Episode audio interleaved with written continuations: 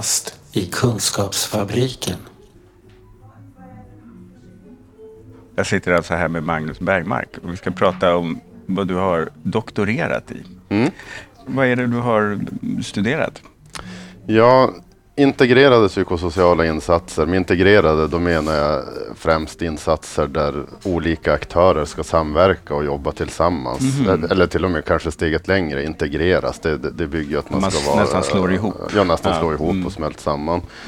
Eh, och då har jag skrivit policy, implementering och praktik som jag har. eh, Den, det är en sån här sammanläggningsavhandling så Mm. den består av fyra artiklar och den första då har jag skrivit, tittat på, gjort en analys av eh, tre stora regeringsdokument från Ja, det första från tidet, eh, tiden innan psykiatrireformen, 93-94. Ja, och så Så sen pass har jag ett hopp till 2008-2009 och så sen den här priosatsningen 2011-12. Okej, så att du, du har som en fond liksom, vad, vad är det staten har försökt påverka med, Ja, med precis. i olika skeden här? Och försökt titta både vad är det man vill för någonting och eh, vad använder man för olika styrmedel för att Mm. påverka kommuner och landsting att, att göra som man vill.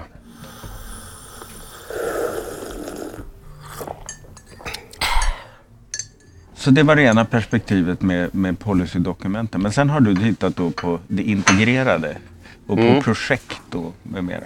Vad är det du har Precis. sett då? Då har jag följt, eh, det är två olika typer av modeller. Dels Mm. IPS, Individual Placement and Support och sen ACT, Assertive Community Treatment. Eh, Lite kort om vad, vad handlar de om? Ja, IPS kan man säga det, det är en evidensbaserad eh, arbetsrehabiliteringsmodell som den i, i eh, lite stora drag så går den ut på att om, om jag ska få den insatsen då får jag en arbetsspecialist som jag har kontakt med. Och eh, en viktig skillnad som IPS-människor lyft fram det är de pratar om arbete först, träna sen. Alltså man utgår inte från den här eh, trappstegsmodellen som vi ofta använt i Sverige. Att man ska man- börja och komma ut och eh, träna lite grann och sen kanske någon praktik Mm. nå- någon timme i veckan och så, sen ökar man på arbetet eftersom. Utan där tänker man lite tvärtom. Först ut i arbete med stöd då. och så samordnar man stödet runt personen för att det ska funka. Och det är inte tidsbegränsat heller. Nej. Så tanken är att du kan, eh, när du fixar det kan du stå väldigt mycket Mm. på egna ben. Men har du behov av mer stöd så har du tillgång till det också. Ja. Har man jobbat med det i Västerbotten eller var har du studerat det? Eh, Det är 15, eller 14 kan vi säga i avhandlingen finns det med olika Ah, ja. kommuner runt om i Sverige. Från Mm. norr till söder. Både, Okej. både större och mindre Mm. orter. Och det är intressant att se för det är ju mycket av det jag har tittat på är ju just själva implementeringsprocessen. Alltså när Mm. man har hittat en modell, ett arbetssätt som man anser är effektiv om man Mm. vill köra på och börja jobba med. Eh, det är ju det ena, men sen gäller det ju att, att få till det också. För det är ju det de flesta modeller som kom nu som har testat, det är ju som allt annat som vi eh, ska ha här i Sverige. Det kom från USA eller England ibland och sådär. Och då är det inte självklart att man kan ta någonting därifrån som funkar bra och så sen lyfta det över Atlanten och dunka ner det i vårt svenska Och välfärdssystem. även om det inte är över Atlanten så är det här är det andra, vi har andra stödsystem och arbetsmarknaden ser annorlunda ut. Och så. Mm, precis, och det är sånt som avgör. Och, Mm. och då har vi ju Sverige, det blir extra spännande tycker jag med integrerade insatser då vi Mm. Har ett väldigt sektoriserat system här i Sverige. Alltså Ja, vi har socialtjänsten har vissa uppgifter och psykiatrin har vissa Mm. uppgifter, Arbetsförmedlingen ytterligare, Försäkringskassan andra och Just det är väldigt noga med vilka målgrupper människor hör till för att man ska få det ena och det andra stödet och så. Och det gör Ja, det extra utmanande när Mm. de här olika aktörerna ska eh, sätta sig i ett team och jobba tillsammans. Och sen har vi ACT också. ACT, det, ja, Mm. det är ju en sån här eh, integrerad eh, case management-modell Mm. ska man kunna säga, som är känd för att vara väldigt intensiv. Mm. Om du ska få det stödet så får du ett multiprofessionellt team som du har kontakt Mhm. med Mm. som ska kunna hjälpa till med, med det mesta i livet egentligen. Mm. Just det. Eh, och ett av huvudmålen, det, eller det riktar sig främst till människor som eh, ligger inlagda på psykiatrin väldigt ofta. Så målet är att kunna ge Ah. intensivt stöd på eh, samhällsbaserat eller på hemmaplan. Ja, just det. Så att det börjar funka hemma också. Ja, precis. Och det är en väldigt sån resurskrävande metod också. Och det gör, jag har med ett sånt team här i avhandlingen. Det var Ja. det enda som vi kunde hitta just då. Ja, för att det, har det varit svårare att få igång testverksamheter kring det? Eller Ja, och, just för att det är och så sen var det ingen statlig ekonomisk satsning. När det gäller IPS, Nej, nej, då, då det. Mm. gjorde Socialstyrelsen en sån här stor Precis. Mm. utlysning att kommuner fick söka pengar för att dra igång IPS-projekt. Och, då, och då blir det ju mer attraktivt på så sätt. Men det fanns ingen motsvarande satsning när det gäller ACT. Kafferast i Kunskapsfabriken.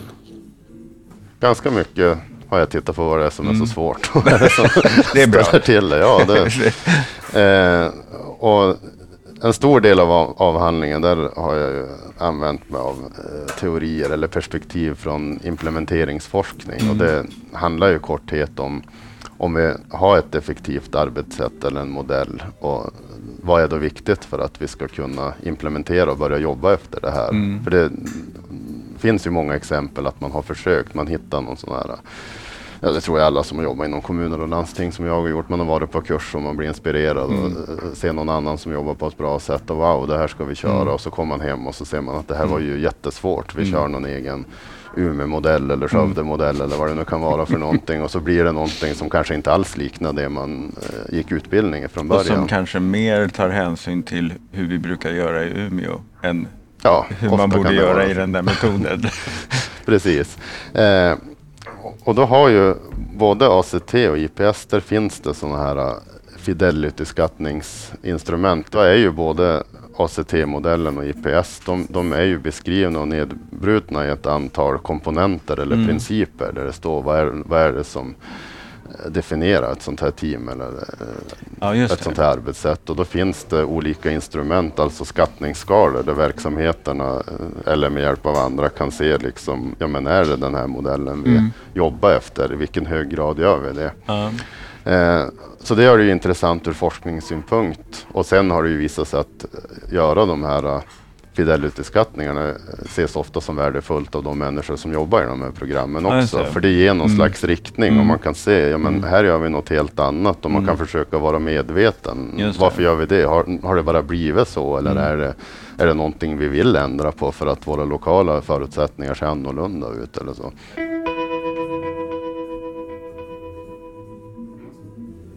Men hur gick det med implementeringen då? I det här som du har tittat på? Ja, i stora drag så är de här 14 IPS-programmen så var det, när jag hade tittat på dem, eh, ja, ungefär tre år kan man säga totalt som jag följde dem, så var det sex av dem var kvar och körde alltså eh, IPS med hög programtrohet. Eh, sen var det några stycken som också fanns kvar men inte definierade sig som ett IPS-program. Ungefär som vi sa innan. Man, man kanske hade vissa delar och synsätt kvar. Man kanske har en arbetsspecialist i kommunen som hjälper människor ut i arbete och så. Men man har inte det här eh, teamet uppbyggt runt om alla komponenter i IPS-modellen. Och så var det en hel del som avslutades. En del var för att man tyckte inte riktigt det passade och det var svårt att jobba. Men ganska ofta så var det ganska lovande projekt också. Många människor som jobbar hårt och ansträngdes och jobbade på jättebra.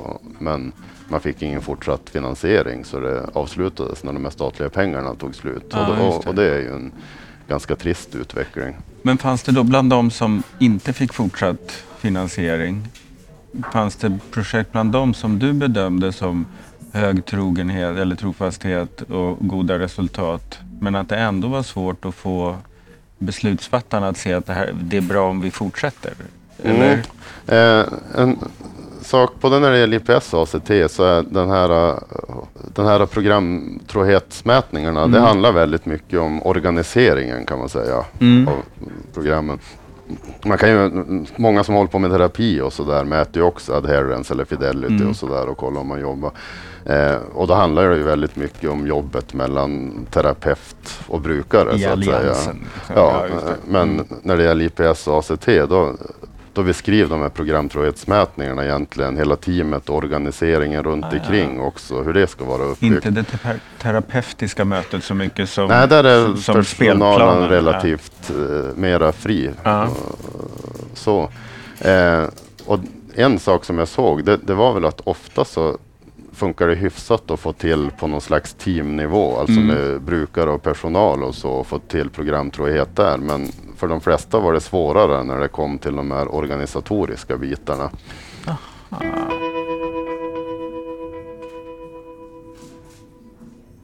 Sen finns det vissa saker jag har sett sådana här eh, saker som, som verkar viktiga för att lyckas med implementering. Det, Mm. det, är ju dels att man, att man rekryterar personal som har rätt kompetens eller att man ger förutsättningar att utbilda sig och få Mm. rätt kompetens. Mm. Så att, man, eh, att, att metoden eller modellen man ska implementera, att det finns någonstans någon slags förankring och legitimitet redan innan. Att det är någonting, har man tänkt efter, kommer det här att ge oss fördelar jämfört med hur vi har jobbat innan? Eller Ja, det. är det något vi gör bara för att vi har sett någon kul formulering på Socialstyrelsens hemsida? Eller har vi förstått vad det innebär? Det ungefär? räcker inte med en powerpoint på organisationen utan de, alltså jag tänker lite som i idrott, i ett fotbollslag så behöver man ha en, en gemensam idé om varför vi spelar på det här sättet. Ja, precis. Och det blir ju särskilt då när det ska övergå i någon slags lokal finansiering Mm. om, om man ska börja betala för det på plats. För då är det ju viktigt tror jag att de som är inblandade och ska betala för det ser också att det här hjälper ju våra, just våran det. organisations målsättningar också. En, en, en annan sak som verkar viktig det, det är ju att man tillsätter en, en projektledare eller Mm. processledare. Att det, att det finns någon slags eldsjäl som Mm. driver det här. Som har Som kan vara förmågan både vara visionär Mm. för personalen som ska göra det faktiska jobbet men även uppåt i organisationen och prata med politiker och högre chefer och andra och försöka påverka dem och säga ja men kom igen nu måste vi satsa på det här allihop. Och det, det, det. det. är också en sån Precis. viktig del och någon som kan föra information och återkoppla både uppåt och neråt.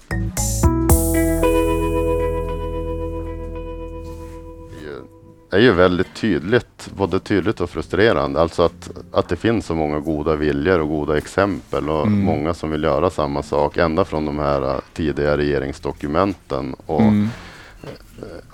till personal som jobbar och chefer och organisationsledare och sådär och ändå är det så otroligt svårt. Och det, och, och det kan vi se på regeringsdokumenten att det är mycket så här en förändring är ju som sagt att man börjar prata mer om spe, eh, specifika insatser och man pratar mycket om att eh, vi ska föra in mer kunskap och då börjar man beskriva mer i de nyare dokumenten vad man faktiskt menar med kunskap, vilken kunskap är det och så. Ja, det. Men samtidigt finns det vissa frågor som återkommer gång på gång på gång. Och det, ja, den här samverkansfrågan mellan kommuner och landsting till exempel.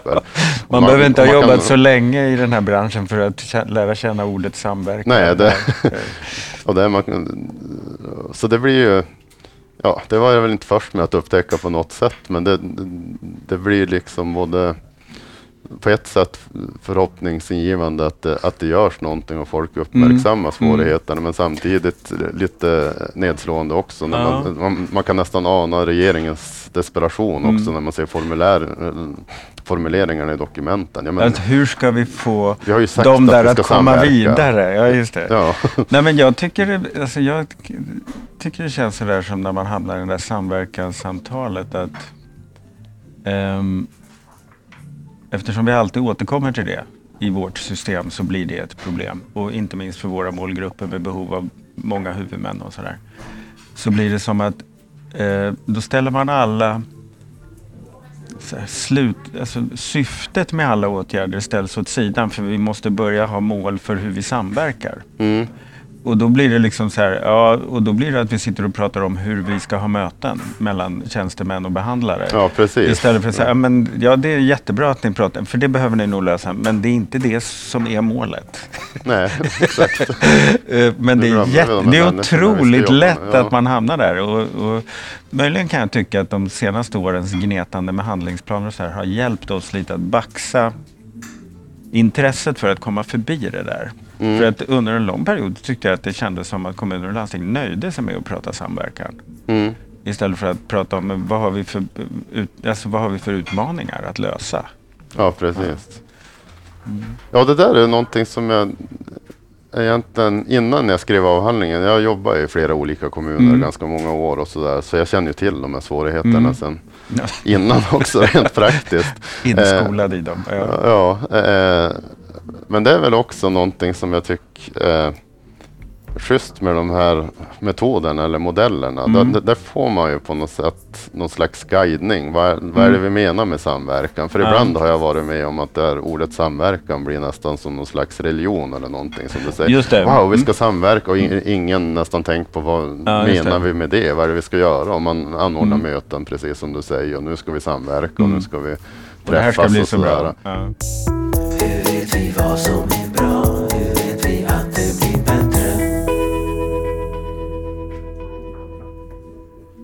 Ehm, vad råder, liksom utifrån det du har studerat eh, och det du tycker att du har upptäckt och, och grubblat kring.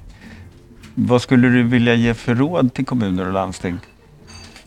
Ja, ett råd det är ju att lägga mycket tid och engagemang i början. Alltså planera och förankra och komma överens så långt det, det är möjligt och se att alla inblandade är införstådda. Vad är det vi ska göra tillsammans? Det här med spelidén.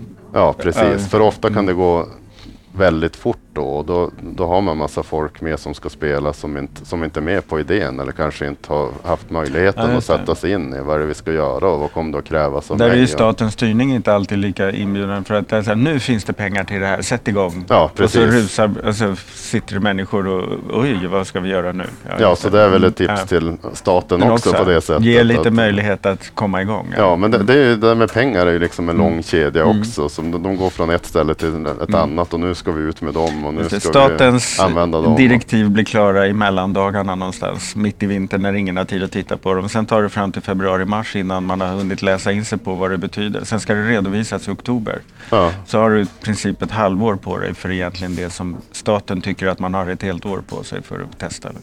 ja, precis. Mm. Ja, det, det finns ju och, och det är ju den implementeringsforskning som finns. Den säger ju, eh, poängterar ju just Mm. det här av vikten av förberedelser och alla, alla steg som bör tas Mm. innan man sätter igång och jobba egentligen. Just och dessutom så ett nytt arbetssätt så menar man ju också att det tar ofta två, fyra år innan allt har satt sig och man, och man börjar märka resultaten på ett bra sätt. Så, så både så här, bättre tid att rota det innan man sätter igång och sen få hålla på ett tag så att det sätter sig.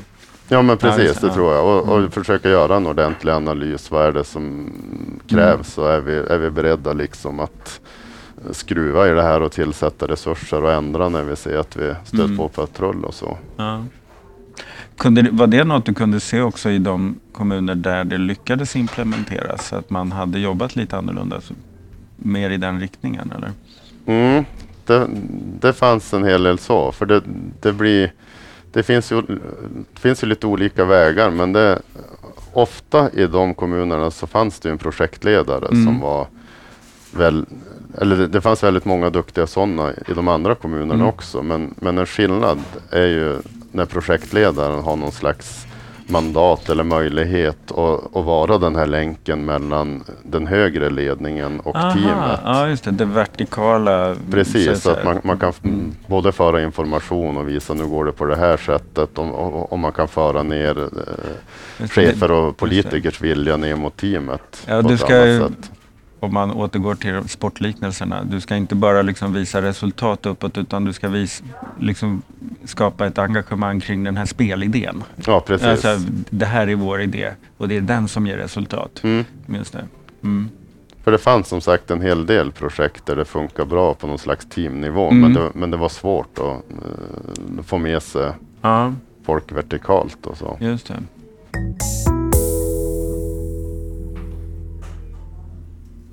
Jag tänkte på, du har ju nu efter din doktorshatt här eh, börjat jobba i kommun igen. Mm, precis. Som verksamhetsutvecklare i, i Umeå kommun. precis, det stämmer. Ja.